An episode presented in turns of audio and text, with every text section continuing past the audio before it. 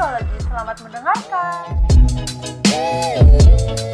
Assalamualaikum warahmatullahi wabarakatuh.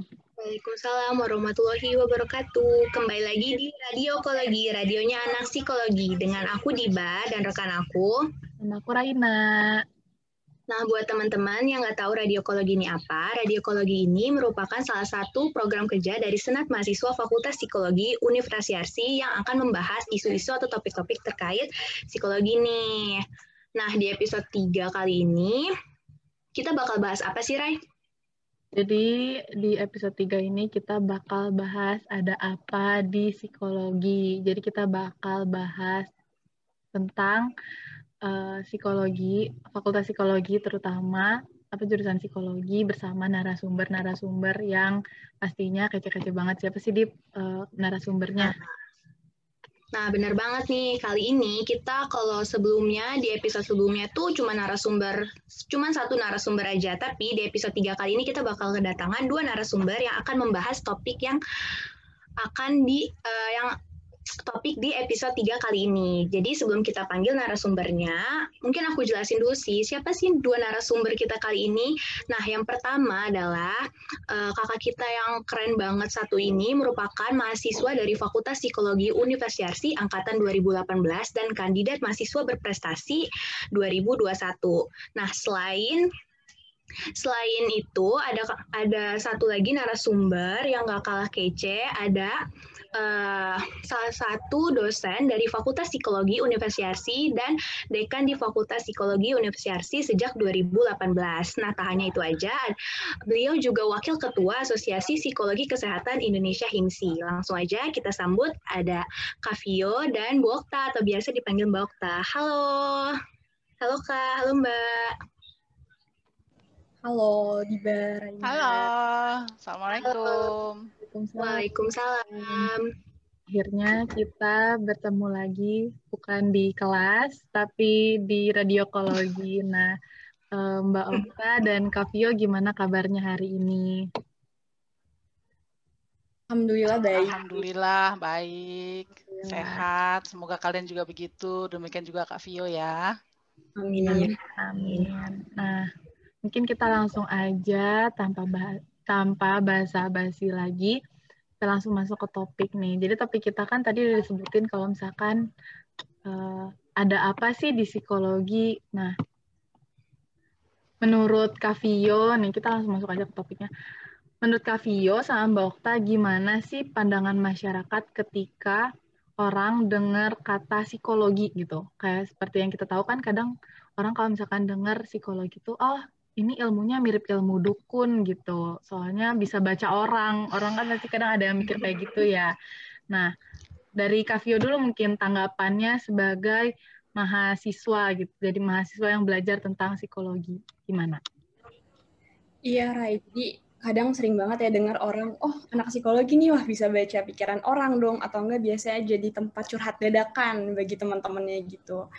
Kemudian juga ada yang bilang anak psikologi itu bisa tahu kalau orang bohong tuh gimana. Nah, kalau menurut aku sebenarnya bukan bisa baca pikiran orang sih, tapi di psikologi itu kita itu belajar untuk memiliki observasi terkait dengan perilaku manusia ya. Jadi makanya mungkin suka disalahartikan sama orang-orang di luar yang non psikologi gitu.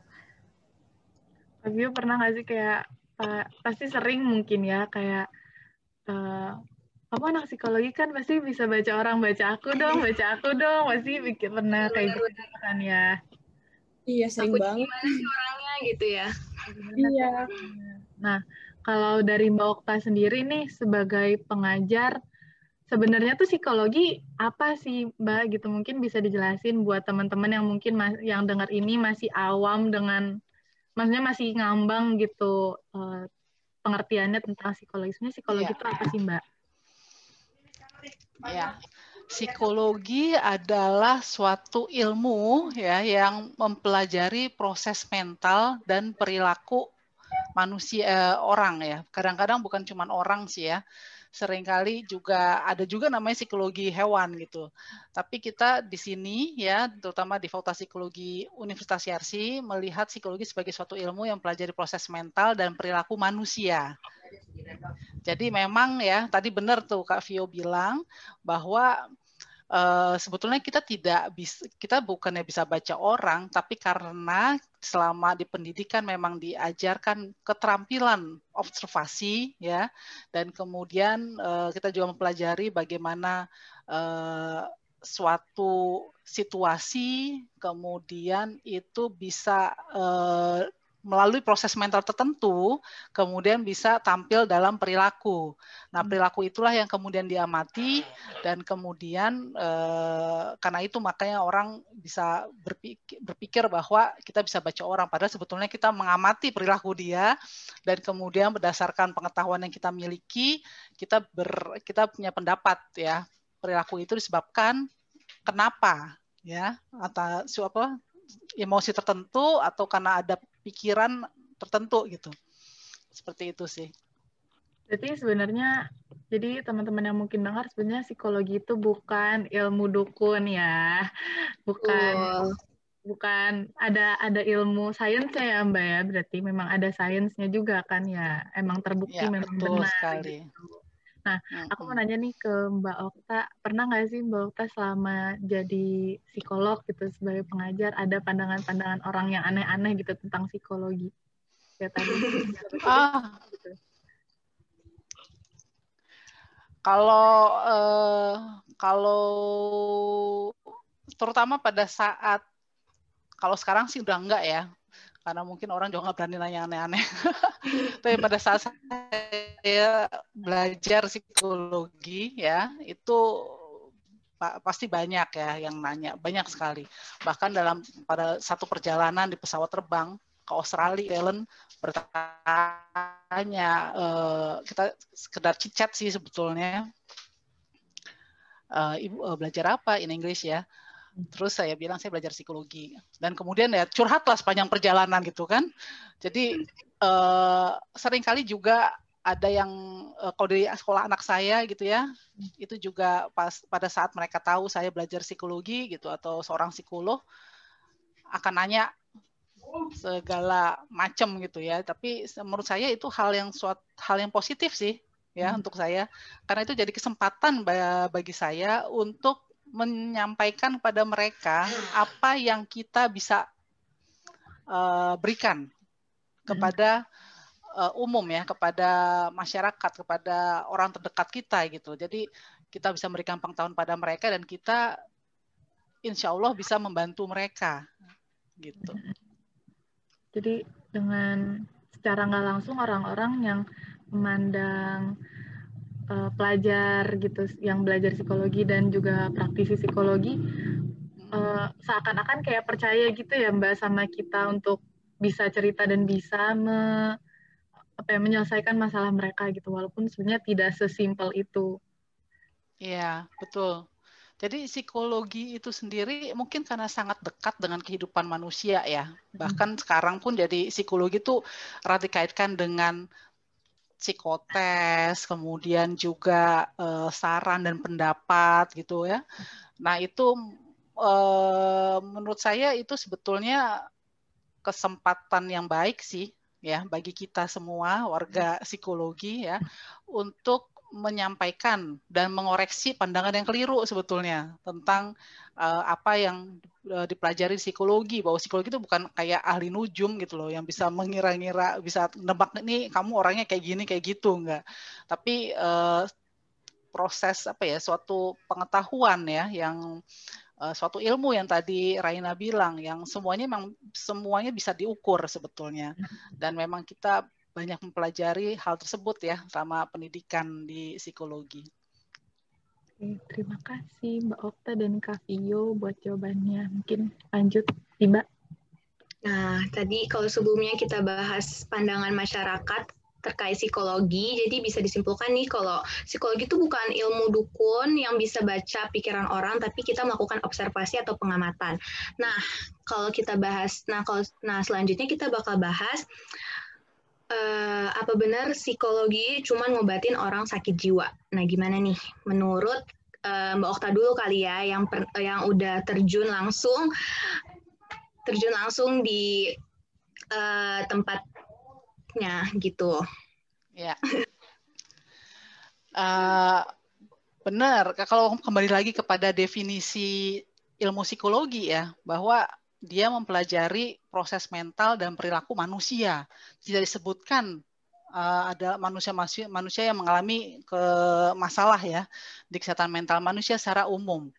Jadi uh, bahkan orang sehat pun ya itu uh, psikologi pun banyak berperan dalam kehidupan uh, orang yang sehat sebetulnya karena psikologi diharapkan ya bisa dengan mempelajari psikologi ya atau il, psikologi sebagai ilmu itu diharapkan bisa uh, membantu seseorang untuk mengoptimalkan potensinya ya dengan seseorang mengetahui kemampuannya dan kemudian dia juga eh, dengan pendekatan-pendekatan psikologi tertentu, seseorang bisa terdorong, termotivasi untuk mengoptimalkan potensi tersebut dan meraih prestasi yang maksimal sesuai dengan eh, kompetensi yang dimilikinya. Jadi bukan hanya pada orang-orang masalah dengan masalah kesehatan mental, tapi juga uh, kehidupan manusia, kehidupan kita secara umum ya, itu peran psikologi banyak sekali pengaruhnya. Uh, dalam oke itu misalnya dalam hal pendidikan, kemudian juga dalam perkembangan, bagaimana uh, psikologi bisa membantu uh, membantu individu ya untuk mengetahui tahap-tahap perkembangan yang harus dilalui oleh uh, manusia. Mulai dari dia lahir balita, batita ya bawah tiga tahun balita dan seterusnya sampai lanjut usia ya dalam psikologi kita mempelajari itu dalam psikologi perkembangan. Bagaimana setiap uh, tahap perkembangan itu harus berhasil atau sebaiknya berhasil mengatasi krisis di dalam setiap tahap tersebut sehingga dia bisa melampaui tahap tersebut dengan baik dan bisa ma masuk ke dalam tahap berikutnya ya dan diharapkan dapat berhasil. Dan kemudian begitu pula dengan tahap-tahap berikutnya. Ya gitu Farah jadi uh, begitu dibahas jadi saya pikir uh, sangat lekat dengan kehidupan manusia ya baik dia da sedang dalam masalah maupun dia sebagai manusia yang memiliki potensi-potensi yang dengan pendekatan psikologi itu bisa dioptimalkan. Demikian. Oke, jadi benar nih kalau psikologi itu ngobatin orang dengan gangguan jiwa juga gitu. Jadi kita mengoptimalkan juga nggak hanya dengan orang dengan gangguan jiwa, eh, orang biasa pun juga bisa uh, bisa ini ya bisa bersaling berhubungan dengan psikologi itu sendiri. Nah, kalau dari Kak Vio nih gimana sebagai mahasiswa yang masih uh, menempuh pendidikan di Fakultas Psikologi? Kalau dari aku sendiri sih sebenarnya kurang lebih mirip-mirip dikit sama Mbak Okta ya karena uh, psikologi kan juga melihatnya uh, kompleks secara keseluruhan dari berbagai aspek kehidupan dalam manusia seperti yang tadi Mbak Okta bilang ada dari aspek pendidikan. Nah biasanya mungkin kalau dari aspek pendidikan kita suka ketemu waktu kita SMA nih um, suka ada kebimbangan karir. Nah, itu kan biasanya suka konsultasi uh, apa yang harus diambil saat kuliah nanti. Terus juga ada dari aspek perkembangannya sendiri gitu. Jadi mungkin um, dapat digunakan, dapat diaplikasikan ya ilmu psikologi itu biar manusia bisa lebih berprogres, berproses, jadi lebih baik lagi dari sebelumnya. Gitu sih kurang lebih kalau dari aku. Oke, jadi banyak banget ya aspek-aspek yang uh, psikologi itu berkecimpung di sana. Ada dari pendidikan, perkembangan, dan masih banyak lagi. Oke, Raina, pertanyaan selanjutnya.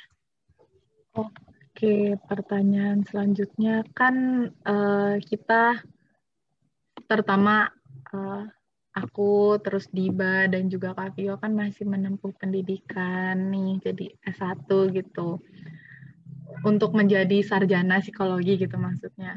Terus kan Mbak Okta sekarang uh, berprofesi menjadi psikolog dan juga dosen gitu. Sebenarnya selain menjadi psikolog dan dosen, kita tuh lulusan S1 psikologi itu bisa jadi apa aja. Mungkin ke Kavio dulu kali ya. Boleh. Oke, kalau S1 psikologi itu bisa jadi dari berbagai bidang ya. Hmm, biasanya orang-orang itu suka dengar ya, oh lulusan psikologi jadi apa nih? Jadi HRD seperti itu hmm. kan. Biasanya suka kita dengar. Nah, nah itu juga bisa menjadi peluang yang bagus ya karena kan dalam pekerjaan tersebut bisa uh, bisa menyeleksi karyawan, terus menilai performa kerja karyawan dan juga uh, jadi trainer pelatihan seperti itu. Nah, selain itu, uh, lulusan psikologi juga bisa menjadi hmm, asesor, asesor yang menginstruksikan alat tes, di mana di Fakultas Psikologi itu dari semester awal kita sudah diajarkan nih psikodiagnostikan, teman-teman juga hmm. pasti ada mata kuliah tersebut, uh, kita diajari bagaimana cara menginstruksikan alat ukur psikologi. Nah, hmm, selanjutnya juga bisa menjadi asisten psikolog sih, setahu aku kurang lebih seperti itu. Oke, berarti banyak ya, nggak cuma psikolog doang. Nah, aku mau nanya nih ke Mbak Okta. Uh, pasti uh, mungkin teman-teman di sini yang dengar lagi masih belum kuliah gitu, masih SMA. Nah, sebenarnya bisa nggak sih dari S1 langsung jadi psikolog? Kan biasanya aku mau jadi aku masuk uh, psikologi karena aku mau jadi psikolognya habis lulus S1 bisa nggak sih masuk langsung jadi psikolog gitu? Ya.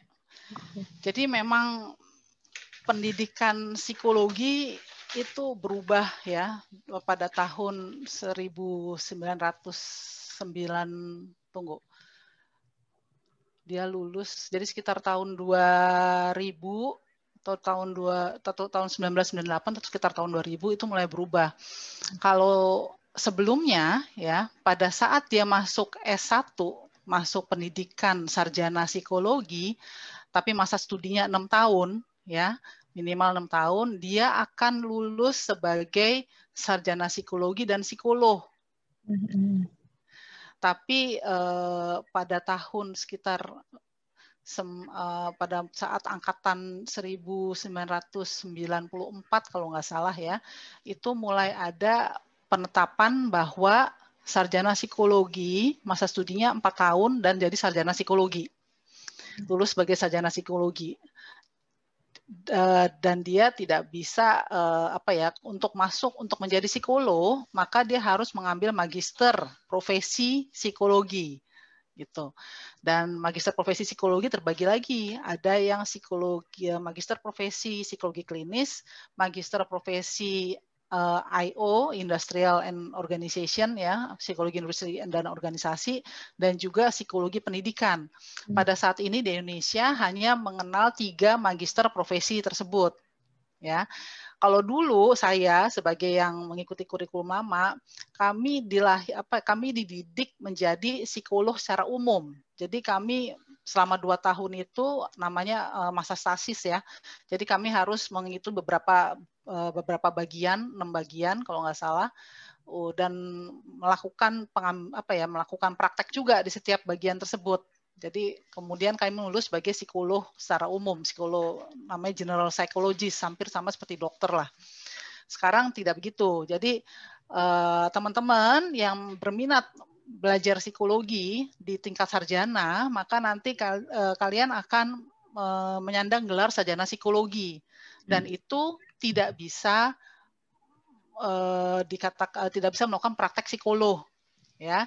Karena untuk melakukan praktek psikolog, kalian harus bergelar psikolog dan kemudian juga ada su memiliki surat izin praktek psikologi SIPP ya.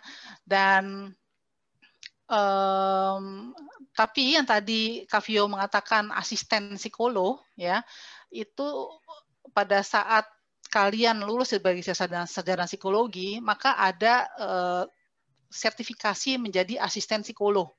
Mm-hmm. Apakah asisten psikolog itu dia adalah asisten dari psikolog namanya gitu ya asisten psikolog asisten dari psikolog tugasnya itu adalah melakukan administrasi tes mm-hmm. ya scoring dia juga bisa tapi dia tidak bisa dia tidak punya wewenang untuk melakukan interpretasi apalagi membuat surat lap, uh, membuat laporan tentang hasil uh, assessment psikologi itu ya itu dilakukan oleh psikolog atau yang memiliki surat izin praktek sebagai psikolog gitu.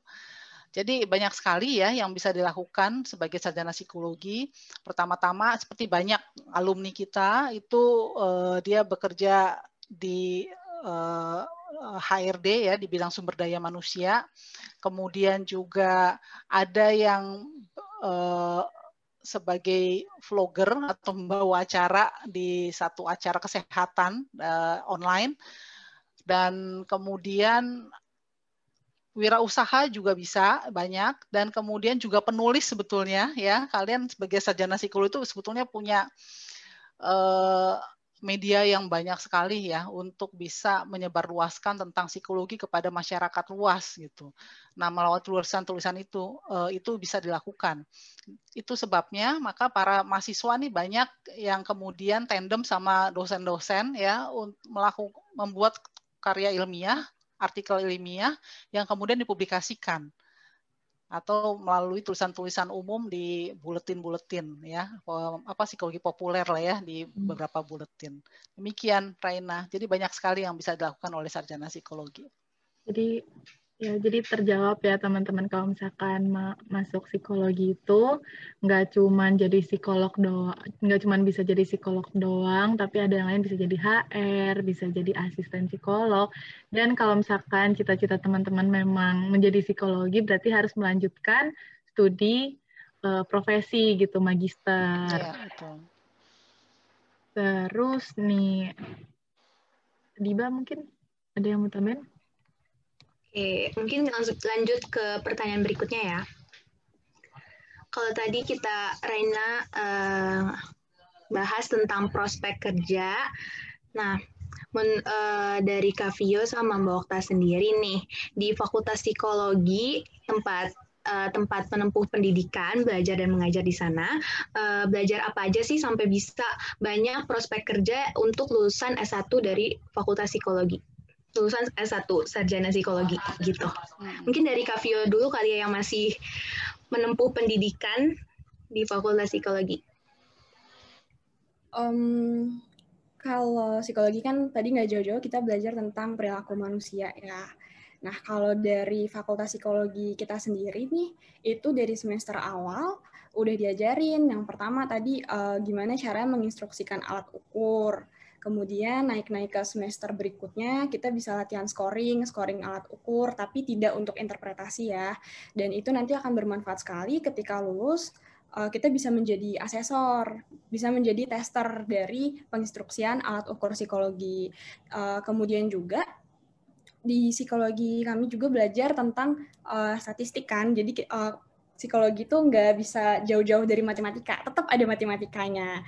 Nah, kemudian juga uh, kalau di psikologi juga kita uh, tiap semesternya itu udah tertata sekali mata kuliah mata kuliahnya seperti um, mungkin contoh contohnya adalah um, seperti yang tadi kan sering bilangnya HRD ya. Nah, itu di psikologi sendiri. Dari semester 3 itu udah ada mata kuliahnya sendiri tuh psikologi industri organisasi. Kemudian kita ada melakukan analisis jabatan di mata kuliah asesmen organisasi.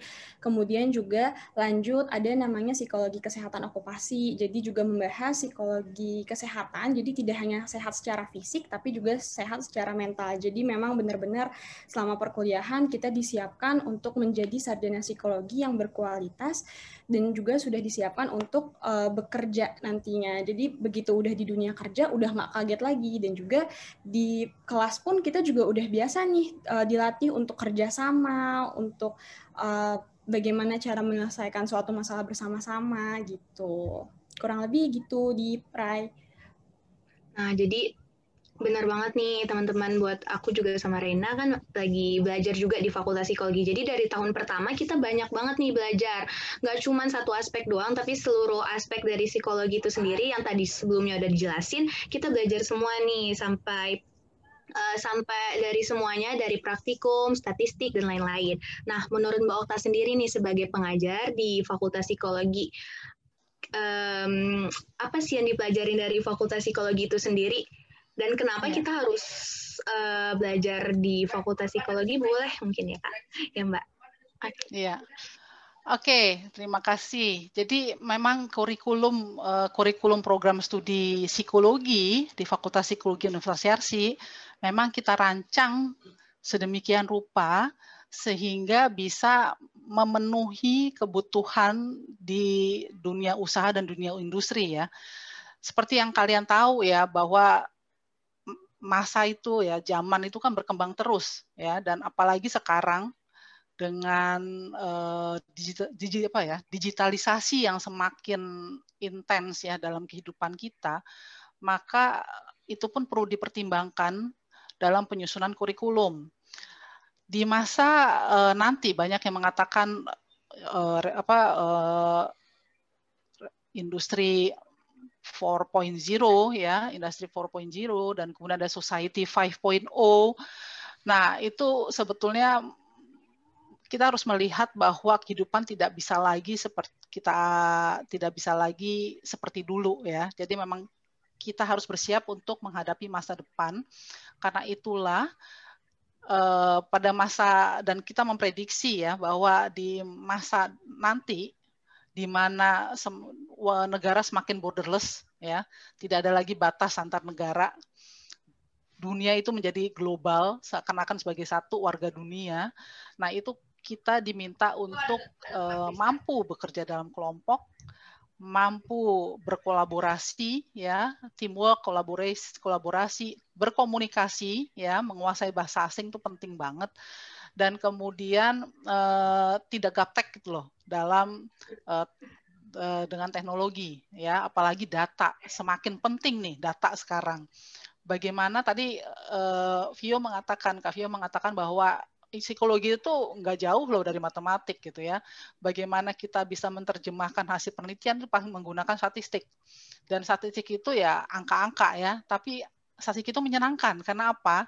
Angka ya angka itu memiliki makna ya menjadi punya arti nggak cuma sekedar ini apa sih ada pecahan ada ini ada itu gitu ya. Tapi dalam statistik segala data itu kemudian bermakna. Nah itu yang menyenangkan dari statistik. Dan itu yang kami tekankan sekali uh, dalam uh, pada pelajaran ya di mahasiswa. Bahkan dari mungkin Diba ya uh, di semester pertama di pelajaran apa perilaku dan perspektif biologi apa kognitif dan apa dan belajar itu memang ada proyek kecil ya. Di akhir di akhir eh, semester itu ada proyek kecil dilakukan di kelompok. Ada yang melakukan penelitian tentang uh, bagaimana orang yang sarapan dan tidak sarapan gitu ya. Mahasiswa yang sarapan dan tidak sarapan. Dia kelihatan ngantuk apa enggak sih pada saat pelajaran gitu. Ada juga banyak sekali eh, proyek-proyek seperti itu yang sehingga kami uh, kenapa kami melakukan uh, meminta kalian mahasiswa melakukan itu karena dengan penelitian kecil tersebut kalian di, akan mempelajari sebetulnya apa sih yang menarik di sekitar kita gitu. Mempelajari fenomena sebetulnya. Eh, ya, ya ya ternyata pada saat kita makan banyak pada saat lagi apa lagi apa makan siang gitu istirahat makan siang ternyata setelah itu jadi ngantuk. Eh bener nggak sih kayak gitu? Yuk kita pelajari gitu.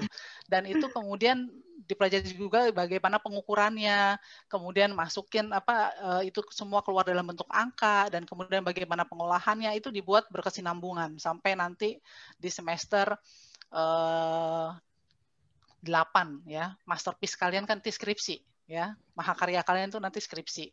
Nah itu semua keterampilan-keterampilan mengolah data itu dilatih dari semester 1 sampai semester 7 apalagi nanti uh, kemudian untuk menyiapkan mahasiswa di uh, dunia usaha, dunia industri atau dunia kerja, maka ada magang, kegiatan magang di uh, di semester sekarang ini semester 7 ya.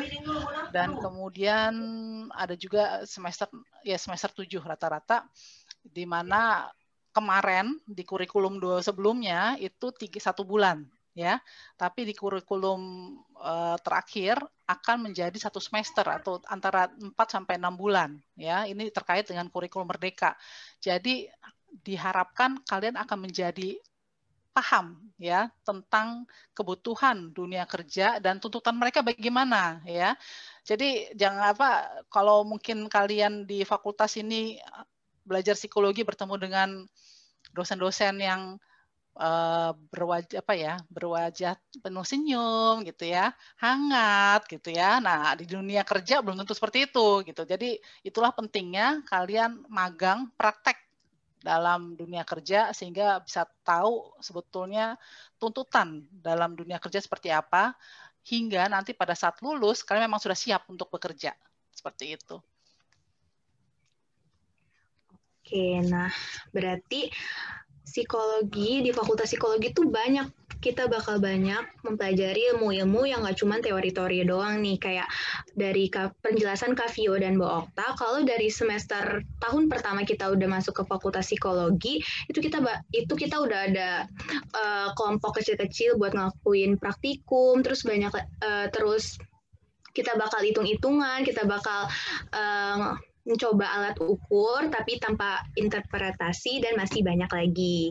Oke, sekarang lanjut ke pertanyaan berikutnya oleh Raina. Nah, kan tadi udah nih belajar psikologi itu belajar apa aja. Nah, aku mau nanya mungkin ke Mbak Okta gitu ya sebagai pengajar dan juga dekan secara apa ya spesifiknya gitu di RC sendiri di Fakultas Psikologi Universitas Yarsi itu program unggulannya apa aja? Oke, ya uh, program studi psikologi dan juga Fakultas Psikologi Universitas Yarsi sebetulnya memiliki kekhususan ya. Kekhususannya apa? Uh, kita mempelajari psikologi kesehatan secara khusus ya. Psikologi secara umum dan psikologi kesehatan secara khusus. Apa sih psikologi kesehatan itu?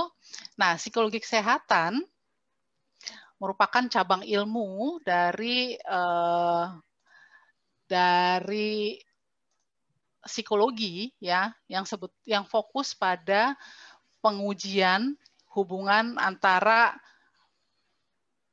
perilaku kognitif psikofisiologi ya dan sosial serta faktor-faktor lingkungan lainnya ya.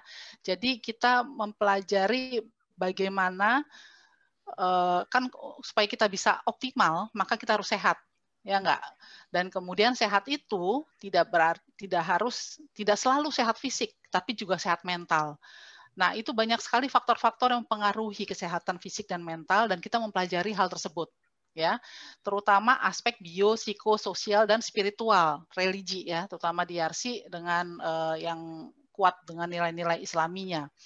Bagaimana hal ke semua aspek tersebut itu bisa dioptimalkan ya dan ke, sehingga akhirnya kita bisa melihat uh, bisa uh, berkembang sebagai seseorang atau sebagai individu yang memiliki kemampuan dan kesempatan untuk berkembang secara maksimal ya mengembangkan potensi-potensi secara maksimal. Kita akan melihat sebetulnya faktor-faktor apa yang menghambat dan faktor-faktor apa yang bisa mendukung seseorang. Nah, itu yang dipelajari dalam uh, kegiatan tridharma kita ya, dari pendidikan, kemudian juga penelitian dan juga pengabdian pada masyarakat. Nah, sebetulnya psikologi kesehatan itu juga akan sangat berperan nanti pada saat eh, bukan hanya bagaimana seseorang mengoptimalkan kesehatannya, mempertahankan kesehatannya, kebugarannya, tapi juga pada saat dia jatuh sakit ya, kemudian bagaimana eh, kita sebagai psikolog kesehatan itu bisa memberikan motivasi atau memberikan suatu intervensi di mana dia kemudian terdorong untuk menjadi patuh pada pengobatan yang diberikan pada uh, yang diberikan oleh dokter misalnya. Kemudian bagaimana dia kemudian uh, patuh uh, pada saat dia sembuh ya. Kemudian bagaimana psikolog, kesehatan kesehatan akan mendorong dia memotivasi individu tersebut untuk terus mengembangkan gaya hidup yang sehat, melakukan aktivitas fisik atau aktivitas lainnya yang bisa uh, mengoptimalkan atau mempercepat kesembuhannya, recovery-nya sehingga dia menjadi bugar kembali. Jadi banyak sekali ya yang eh, hal-hal yang menarik terutama pada masa pandemi ini ya ternyata psikologi kesehatan itu sangat berperan bagaimana seseorang pada saat dia terkena uh, COVID ya dan ke bagaimana caranya supaya dia tetap terus untuk uh, apa ya semangat, semangat harus optimis gitu ya karena kalian sudah tahu bagaimana uh, imunitas ya itu sangat mempengaruhi uh, ketahanan seseorang pada saat dia uh, menderita COVID. coronavirus diseases. Nah, uh, itu menurut saya psikologi kesehatan akan sangat penting peranannya terutama di masa mendatang. Karena kalian tahu ya bahwa banyak ahli yang mengatakan uh, COVID itu ya akan menjadi endemik bukan pandemi tapi endemik di mana mau nggak mau akan terus ada dan kita harus bersahabat dengan dia. Berdamping hidup bukan bersahabat ya hidup berdampingan dengan virus tersebut. Artinya apa?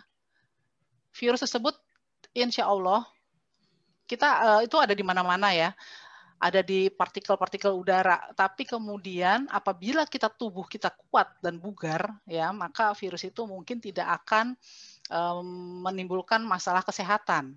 Nah, kalau menurut saya itulah fungsi dari psikologi kesehatan, di mana kita mengedukasi masyarakat untuk men tetap apa ya memper, meningkatkan kebugarannya, meningkatkan kesehatannya, bukan hanya sehat fisik tapi secara mental juga harus kuat ya, tangguh. Dan kemudian pada saat-saat dia jatuh sakit, dia eh, harus termotivasi untuk segera sembuh dan kemudian pada saat dia sudah sembuh, dia akan termotivasi, harus dimotivasi untuk bisa terus mempertahankan kesehatannya, bahkan meningkatkan kebugarannya. Demikian Diba dan Raina. Jadi sangat program terima kasih Mbak Okta. Jadi uh, program di ya di Fakultas Psikologi Universitas Yarsi itu benar-benar sangat bermanfaat dan apa ya luas banget pokoknya buat nanti untuk lulusannya, untuk mahasiswanya juga gitu yang lagi belajar. Nah, mungkin sedikit kali ya, uh, Mbak Okta, kalau alumni-alumni YARS itu gimana sih? Uh, udah di udah udah merambat ke mana aja gitu?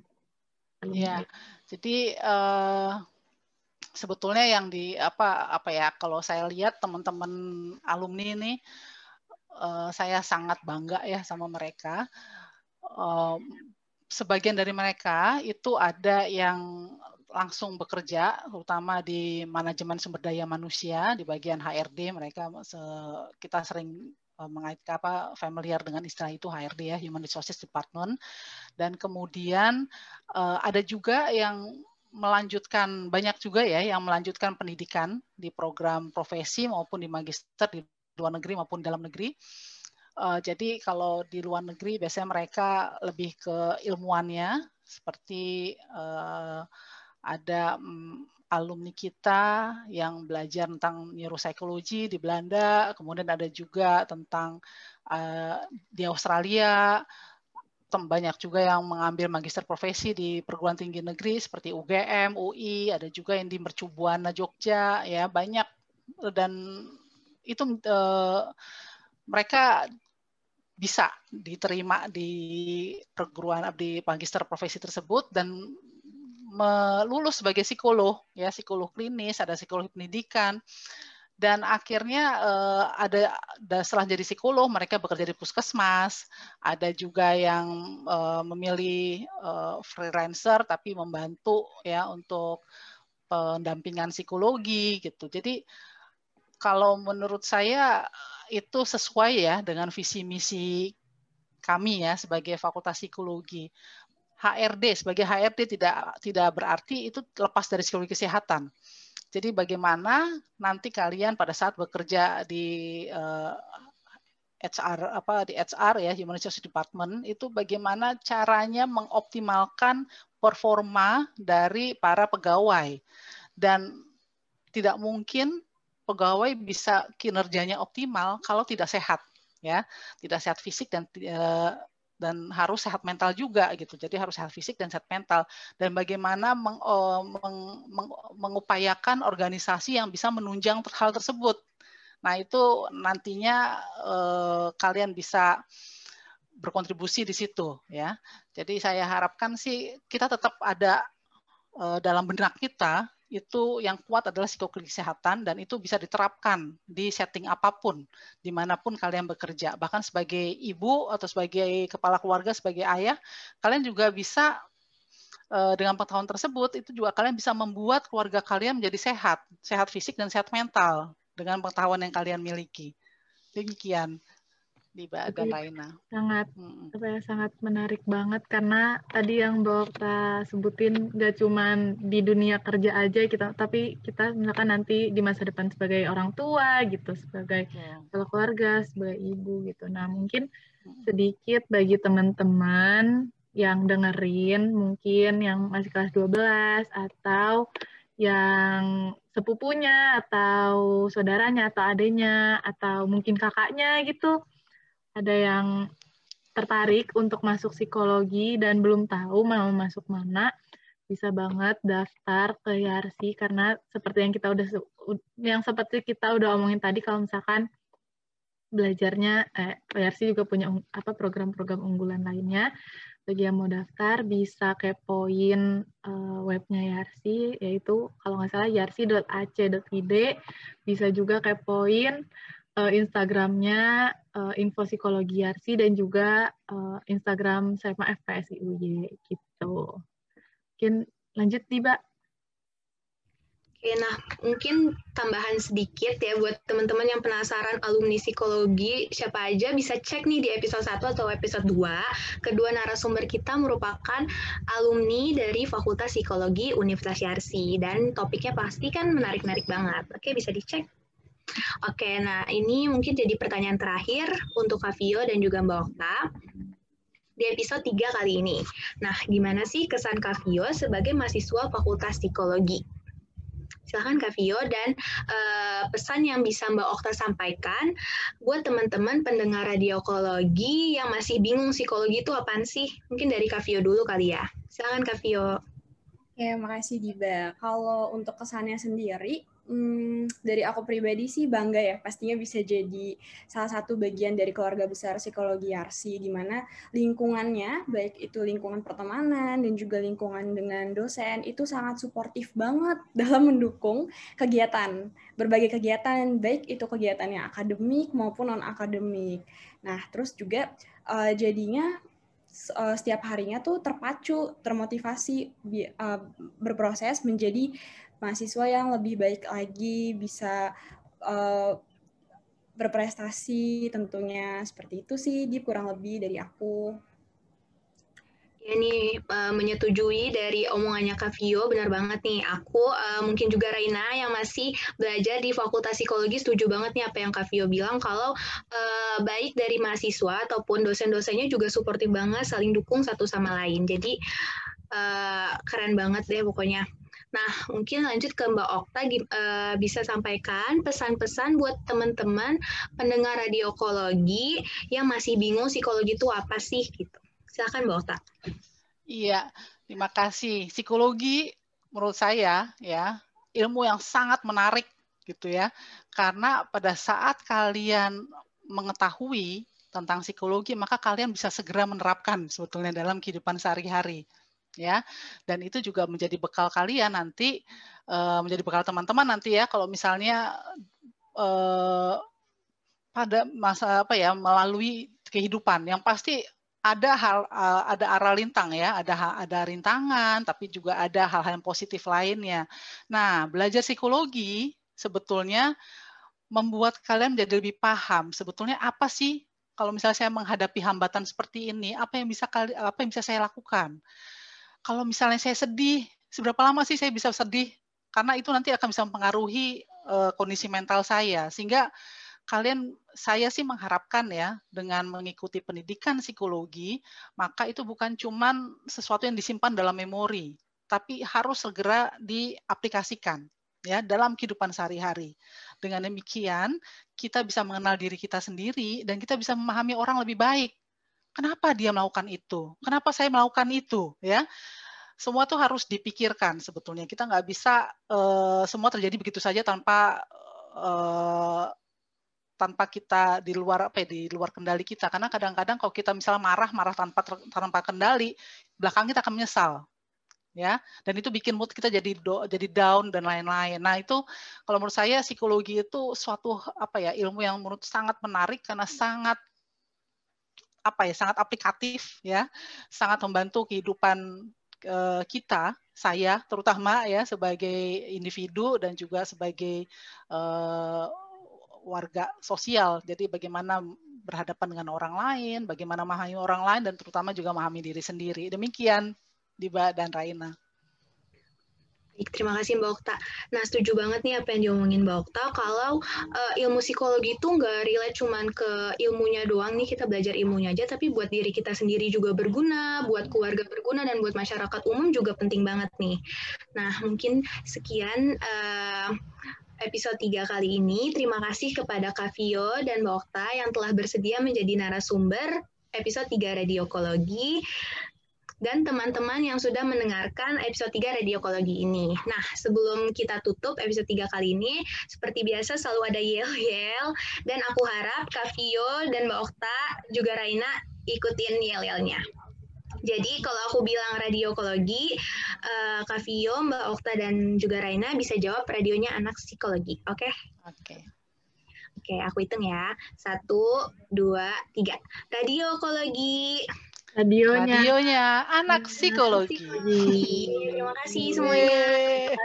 Terima kasih para para di Baraina dan Kavio. Terima kasih.